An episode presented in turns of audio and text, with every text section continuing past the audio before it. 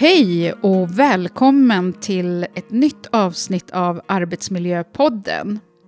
Dagens avsnitt kommer att handla om varför företag ska involvera sig själva i olika former av välgörenhetsprojekt. Vad gör det med ett företag att exempelvis ha ett globalt mål som hälsa på sitt schema? Och hur kan man göra det här för att det ska bli riktigt bra för alla?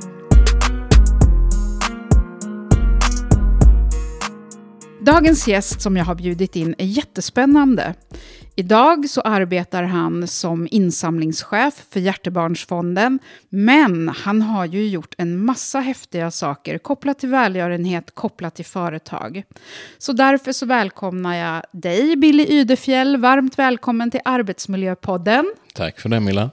Och eh, jag tänkte väl att du ska väl få presentera dig själv lite grann, för idag så är ju du på Hjärtebarnsfonden. Och vad gör du där? Det stämmer, jag jobbar som insamlingschef på Hjärtebarnsfonden, har gjort det nu det senaste året.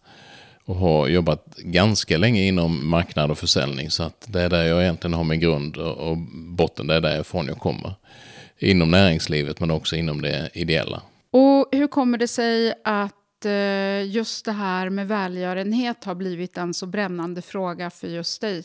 Jag, man drivs ju till olika saker och ting här i livet och för mig känns det väldigt, väldigt gott i hjärtat att kunna hjälpa till. Kunna hjälpa de som har det lite tuffare. Alla får inte samma möjligheter alla får inte samma val eller kan göra samma val som många andra. Så att för mig är det, är det, det ger väldigt mycket tillbaka. Ja. Du, jag vet ju att du och jag, vi har ju träffats förut, eh, fast då via cyklingen. Och eh, det var ju där jag fick upp ögonen för dig, därför att du är ju faktiskt pappa till lite roliga lopp här i Sverige. Och var det inte du som också tog in Team Rynkeby till Sverige? Jo, mm, det stämmer. Det stämmer. Och du har gjort några flera lopp, nu ska du inte vara så blygsam här. Du kan väl berätta lite grann din historik kring de här loppen och varför de här loppen blev så viktiga? När jag kom från näringslivet så funderade jag på hur ska vi kunna samla in eh, pengar till eh, olika ändamål. Och när jag fick klart för mig ungefär var jag skulle hamna och det var någonstans där, där folk träffas, där människor möts. Och det är inom friskvården och när jag gick igång med detta 2008 så var det inte alls lika mycket som, som det är nu. Så att, eh, då fick jag en idé och eh, drog igång ett cykellopp tillsammans med en kille i Nor Norrköping som heter Gary. Och vi tillsammans startade ett lopp från, eh, där vi skulle cykla från eh, Lund till Stockholm. Och så blev, det, blev vi årets cykelhjältar, vi blev årets motionslopp. Eh, och efter det så, ja, så det ena kom efter det andra så att säga. Så att det blev ganska många olika former av insamlingar. Då till Barncancerfonden. Vad var det som gjorde att du blev så otroligt engagerad just 2008? 2008 var två år efter min dotter gick bort. Eh, Linn föddes 96 och när hon var, eller 94 när hon var ett och ett halvt år så fick hon cancer. Och hon hade en tuff kamp mot, eh, mot sin sjukdom och avled 2006 eh, i sviten av sin cancer. Så att jag kände väl då, där och då att för min egen del så vill jag ju ta fighten. Jag kan inte bara låta det här gå. Så att vi byggde in en fantastisk känsla i just Ride of Hope som vi startade eh, det året när vi startade från från eh, Lund. Och vi startade då utanför barn och ungdomssjukhuset. Och anledningen var ju att alla som stod på backen och skulle cykla eh, mot Stockholm, men i, i etapper, skulle få uppleva en del, en liten, liten del av den känslan som jag som förälder fick göra. När jag berättade då att uppe på andra våningen i tredje fönstret, det var den sista gången jag fick se min dotters blå ögon. Och efter det så har det fyllt på med nya barn och nya barn. Och vad vi gör här, det är att vi ger barnen där uppe som tittar på alla som startar, vi ger dem ett hopp, vi ger dem en möjlighet. Ikväll kan cyklisterna checka ut eh, på hotellet i Halmstad. Barnen vet inte ens när eller om de kan checka ut. Så att den, den känslan den kom ganska omedelbart och eh, den hade vi med oss under, hela, under alla de här olika eventen som, som vi gjorde. Och i alla olika former av företagssamarbeten så kom så kom den här sköna känslan och det var den som vi kunde förmedla på ett väldigt, väldigt positivt sätt. Det är ju otroligt eh, ledsamt att höra att en, att en förälder, att man ska förlora ett barn, för man kan ju tycka att det ska vara tvärtom. Eh, men det har ju också inneburit att du har fått en annan form av, vad ska man säga, väg framåt i livet. För välgörenhet har ju då blivit någonting som du har valt att arbeta med. Och du sa ju tidigare, nu jobbar du ju ut mot näringslivet och du sitter här i Arbetsmiljöpodden. Varför ska företag engagera sig? Jag började för många, många år sedan inom, inom it-branschen och jobbade med just, eller ja, dessförinnan var det också försäljning, men alltså mycket handlar om, om bygga varumärket. Antingen man gör det som person, att man bygger sitt personliga varumärke. Vad är jag? Vad står jag för? Det är mitt varumärke som folk i allmänhet uppfattar mig. Och likadant är det för företaget. Hur uppfattas företaget? Är det den trivsammaste arbetsplatsen som får mest eh, sökningar när en ny tjänst, som får flest kunder, som får, får nöjda leverantörer, eller vilket företag är man och vilket företag vill man vara? Och jag tror genom ett aktivt CSR-arbete så kan man göra det valet ganska enkelt genom att man, man visar för sina kunder, investerare och, och personal också för den delen, att man bryr sig. Mm. Sen ett år tillbaka så är ju du på Hjärtebarnsfonden. Och eh, du får berätta lite om Hjärtebarnsfonden, för jag tror inte att alla vet vilka ni är. Nej, vi är, en, vi är en ganska liten organisation som egentligen är en medlemsorganisation. Men vi har då valt att försöka kliva ur enbart medlemsorganisation till att bli lite mer åt insamling också. Så att vi har ju faktiskt 6 000 medlemmar i lite olika lokalföreningar. Jag har ju då varit aktiv i Barncancerfonden som vi pratade om innan och där är det 300 barn om året som, som blir sjuka. Men faktum är att det är 2000, 2000 barn om året som föds med ett, eh, med ett hjärtfel. Och för vissa så syns det inte förrän i vuxen ålder och för vissa så syns det faktiskt innan de föds. Så det är ett barn om dagen som föds med ett hjärtfel och ungefär 500 om året opereras. Och det gör man antingen i Lund eller Göteborg där de är specialister på, på just operationer när det gäller hjärtan. Tänk dig ett litet barn på 48 centimeter och i det så finns ett litet hjärta och det är lika stort som en knuten hand. Som det är barnets knutna hand. Där ska man gå in och, koppla om eller byta en klaff eller någonting. Så att det krävs, det är lite fin motorik det där att få ihop det där, och det är mhm. lite finsnickeri. Så att det krävs väldigt eh, engagerade, duktiga och kompetenta läkare och, och de har vi i Sverige. Mm. Det har ju ändå varit några upp, uppmärksammade fall de senaste åren där framförallt atleter har rasat ihop mm. och hjärtat har stannat. och så. Det var väl en eh, fotbollsspelare här för inte så länge sedan. En dansk fotbollsspelare, ja precis. Så vi har en, en svensk fotbollsspelare som heter Thomas Ravelli som för övrigt är ambassadör åt eh, Hjärtebarnsfonden, som också i vuxen ålder gjorde ett, en operation av hjärtat. Vi har Henke Lundqvist, för en annan idrottsprofil, för er som följer hockey vet vem det är.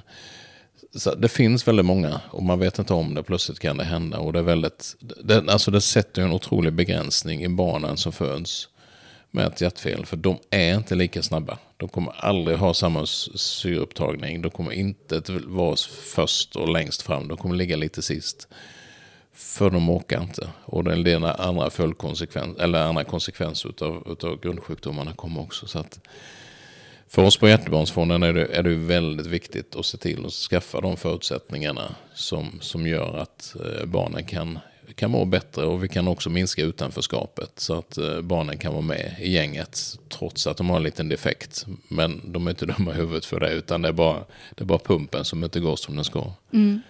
Och nu har ju du dragit igång en massa spännande saker på Hjärtebarnsfonden. Det är Walk for Life och det är Paddle for Life. Och nu tänkte jag att du ska få berätta om varför företag ska eh, koppla upp exempelvis eh, team. Att man har det som en eh, teamaktivitet. och också vad Walk for Life är och, och Paddle for Life. Det är mm. väl Sveriges största paddelturnering? Va? Ja, det ska bli det. Vi det ska inte, bli det. Vi har inte börjat än. Men eh, vem, vem, vem flög två över, över Atlanten? Det är ingen som vet. Men alla vet att Charles Lindberg vann kapplöpningen. Han var först. Och vi ska vara störst när det gäller paddelvälgörenhet i samma mening. Då får du nog berätta lite mer för ja. hur ni ska bli det. Vi hade, jag. Ju, vi hade ju, efter jag lämnade Barncancerfonden 2015 så eh, hade jag Ride of Hope med mig och den succén och den framgången som det ändå var. Och då kände jag att det finns, det finns väldigt mycket mer att göra och jag vill göra det, fortsätta göra det. Då startade jag ett, ett projekt som heter Bike for Life tillsammans med en kille i Växjö där jag eh, för övrigt är ifrån. Och eh, under tiden så jobbar jag i privata näringslivet eh, som vd på ett logistikbolag med 120 anställda. Och när jag tittade mina delägare i ögonen så såg jag en, en sniken blick som ville ha mer. När jag, när, medan jag är färskt minne. Jag hoppas att jag kanske inte lyssnar på Nej, det gör inget. Jag, jag står för det också. Det. Ja, precis. Det.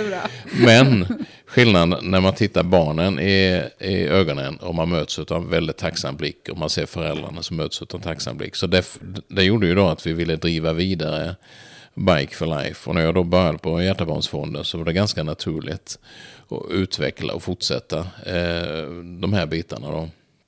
Och då kom ju nästa steg som då var Walk for Life som vi startade, startade i höstas, egentligen hösten 21.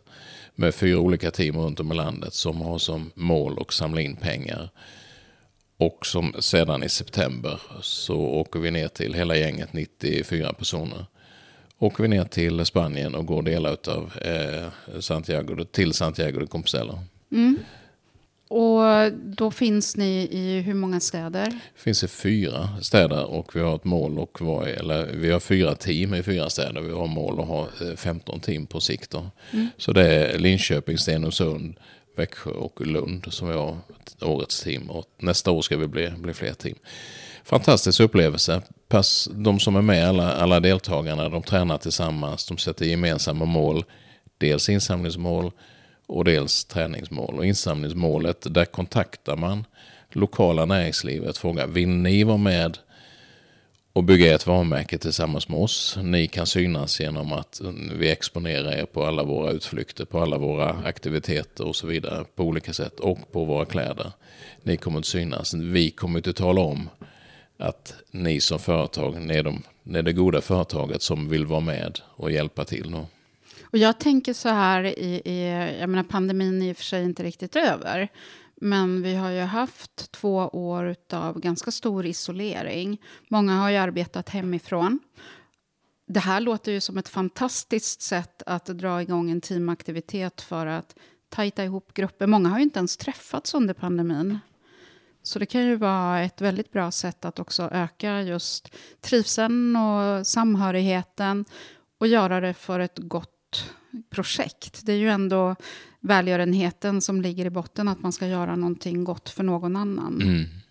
Och då är det den goda sidan av välgörenhet, eller den direkt, påver- den direkt mätbara sidan kommer in så att säga när man kan, när man kan eh, göra eh, saker för sin personal, när man kan attrahera personalen och se till och ge olika nya förutsättningar. Till skillnad från att bygga ett varumärke, det är lite flummigt. Vad är varumärket värt? Vem vet det? Men däremot hur, hur nöjd är personalen? Det syns ganska tydligt på, på ansiktena på dem. Kan man då bygga en, precis som du säger, en teamkänsla. Vi har varit ifrån varandra ganska länge. Kan vi då varje söndag träffas, ut och träna. Walk and talk. Vi pratar lite annat än jobb, men också jobb. Vi löser problem som som kanske inte blir, behöver bli problem för vi löser dem innan, innan någonting knasar till sig ordentligt. Genom att vi, vi, vi är nära varandra. Och kommunikation det är ju det är ju alltid framgångens mode på något sätt. Dålig brist på kommunikation så blir det, eh, det blir inte bra helt enkelt. Och sen att man, man åker ner till Spanien, man känner att man gör det här för ett gott syfte. Man går delar av pilgrimsleden som inte handlar om att gå så fort som möjligt, utan det handlar egentligen om en, lika mycket en inre resa som en, som en fysisk resa. Då. Måste man ha haft ett barn som har varit hjärtsjukt för att vara med? Absolut inte. Det är väldigt få som, som har det faktiskt. Vissa, vissa har haft det självklart. Man, man är ju, det är ju de som är ganska nära oss så att säga. Men absolut inte. Utan detta är ju till för både företagare och privatpersoner och så vidare. Då. Så att det är ju det är en längre aktivitet. Och sen efter det så startar vi nu då Paddle for Life. Som då är, som du sa innan, målet att bli det största paddeleventet i Sverige. Och där är ju in och, och eh, en lördag så går man in i sitt företagsnätverk. Man kanske eh, köper tre lagplatser. Man bjuder in, eh, marknadschefen bjuder in sin, sina kunder och, och, sina leverantörer kanske. Och gör en sak tillsammans för någon annan. Där man också kan vinna eh, ja, ett litet pris eller någonting då.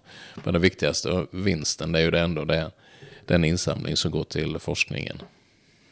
Ja, för att ni är ju en ganska liten organisation, som du sa. Uh, hur mycket stöd får ni exempelvis ifrån staten? Och, uh, eller är det mest privata pengar som kommer in för att stötta upp det här arbetet? För forskningen är ju så viktig.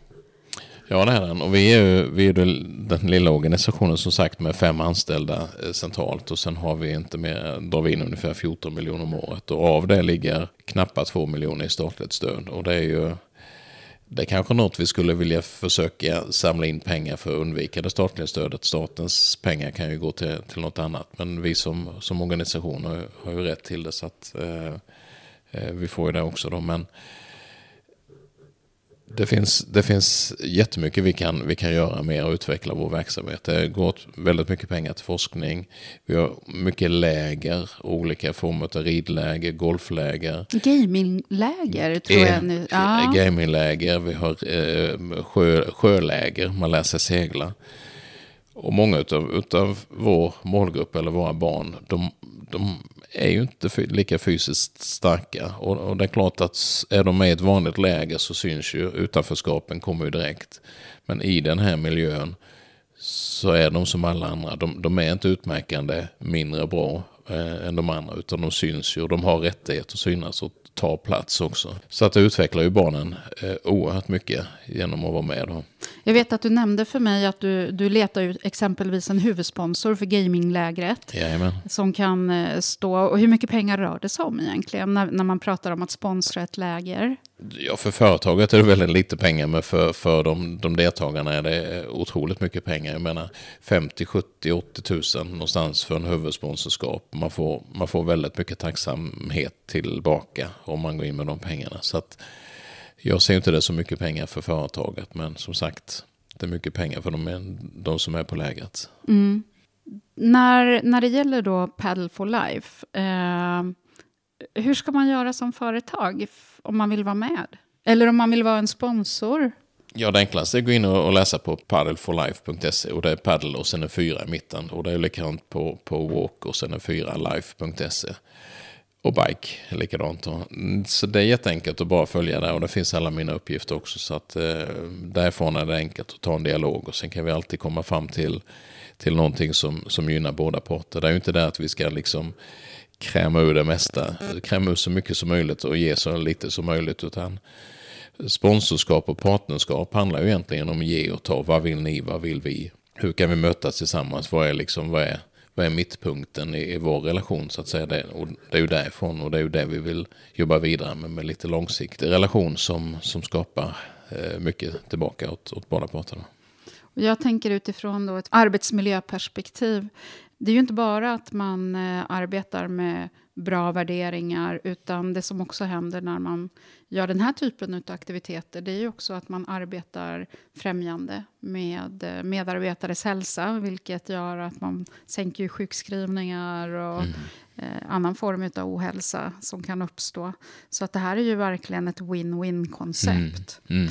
Mm. Eh, om du skulle få ge eh, tre stycken, vad ska man säga, orsaker till varför ska ett företag koppla på sig på en sån här aktivitet och göra det till en årlig aktivitet som man har på företaget?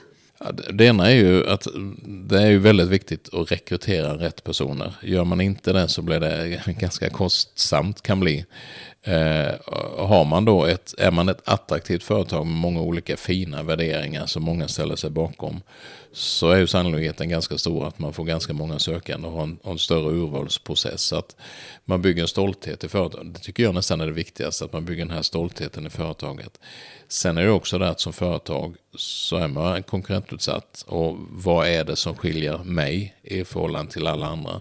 Jag måste ju sticka ut och kan jag då göra det genom att jag syns på lite olika, olika sätt, och olika ställen, olika arenor så lyfter det mitt, eh, eller företagets varumärke helt enkelt. Och det tredje och sista det är ju tänk er och titta in i ögonen på det barnet som mår mycket bättre nu än vad det gjorde för tre månader sedan. Och tänk er och se den där tacksamma blicken som gör att man, eh, man kan gå vidare.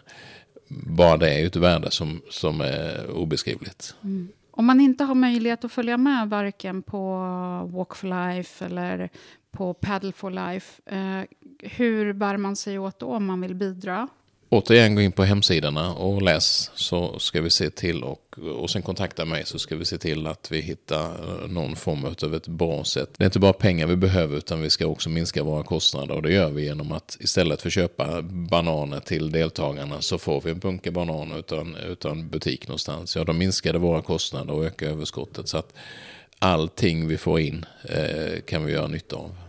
Jag vet ju att Hjärtebarnsfonden också är involverad i Bike for Life. Och eh, eh, i sommar så kommer ju Bike for Life, där du är ordförande, att ha en hel del aktiviteter. Och det ska ju vara något lopp i alla fall. Om man varken kan följa med på eh, walken eller på padden, då kanske man kan vara med på något av de loppen som ni arrangerar. Mm. Och jag tänker ju främst på eh, Ingarölopen. Berätta om Ingarölopen, vad är det för någonting?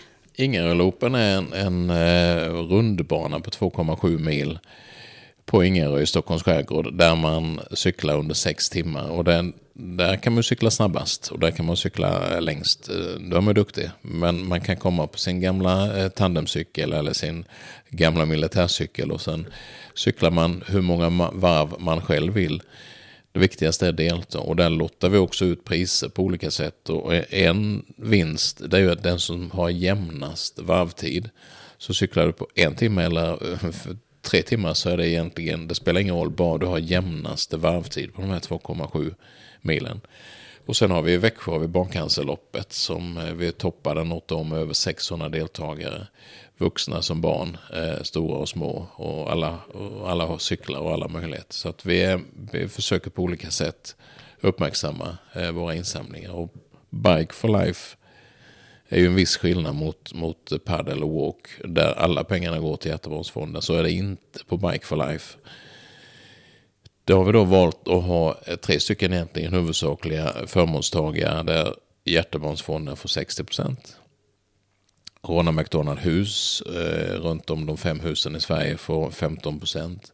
New Life Mission i Kenya får 15 procent alla har ett fantastiskt, gör ett fantastiskt arbete. Ronald McDonald hus, där bor ju många som eh, blir långliga. Och för vår egen del så var längsta tiden som vi låg på Ronald McDonald hus i Lund i ett streck, det var 13 veckor. Det var när din dotter Linn var Det var när sjuk. Linn var sjuk. Och Mm. då vill man ju på något vis ha det så bra som möjligt. Och den möjligheten skapar ju Ronald McDonald hus då. Mm. New Life Mission i Kenya gör ett fantastiskt arbete när man, när man hör talas om att de har räddat en åttaårig flicka från att bli bortgift och könsstympad. Så känner man att de gör nytta. Och när man har talat om den 13-åriga flickan som kommer till, till en, ett av deras samlingspunkter för hon vill, hon vill börja skolan. Och har ett ettårigt barn med sig så känner man att de gör nytta. Och alla de här brunnarna de, de fixar till, till eh, området som, som är utan regn så pass lång tid. är också fantastiskt. Så att eh, det är lite annorlunda Bike for Life än eh, de andra två. Mm. Jag vet ju också att ni, ni supportar eh, para-laget. Ja, det gör vi. Cykellandslaget i, i alltså paracykling då. Ja. Alltså de som, är, som har någon form av när de inte kan tävla i vanliga OS eller vanliga SM. Eller vanliga, ja, någon Ja. form av funktionsvariation. Så försöker vi med, med våra medel, våra små medel och våra sponsorer tillsammans. Försöker vi då på olika sätt att dra in eh, intäkter även till, till den delen också. Jag måste ju säga att du är väldigt engagerad, Billy. Och eh, jag tycker det har varit fantastiskt roligt att ha dig med här i Arbetsmiljöpodden. Och jag hoppas ju också naturligtvis att eh, ni som har lyssnat blir lite peppade utav det som Billy har berättat och eh, genast eh, går in på Hjärtebarnsfondens hemsida och anmäler er till de olika projekten. Och vill ni inte vara med och gå padd, paddla, höll jag på att säga, men spela Paddel, paddel, eh, eller eh, kanske delta i något av Bike for Life cykellopp, så tycker jag definitivt att ni kanske vill vara sponsorer eller att ni stödjer framförallt Hjärtebarnsfonden som månadsgivare. Stort tack Billy för att du ville komma hit. Tack så mycket. Och eh, det här avsnittet har gjorts i samarbete med Fuck Up AB och eh, Helst Kommunikation. Och eh, jag som pratar heter Milla Jonsson. och önskar er en fortsatt härlig eftermiddag. Eller kanske morgon, det beror ju lite grann på när ni lyssnar. Ha det så bra allihopa! Hej då! Hej då Billy! Hej då, tack så mycket!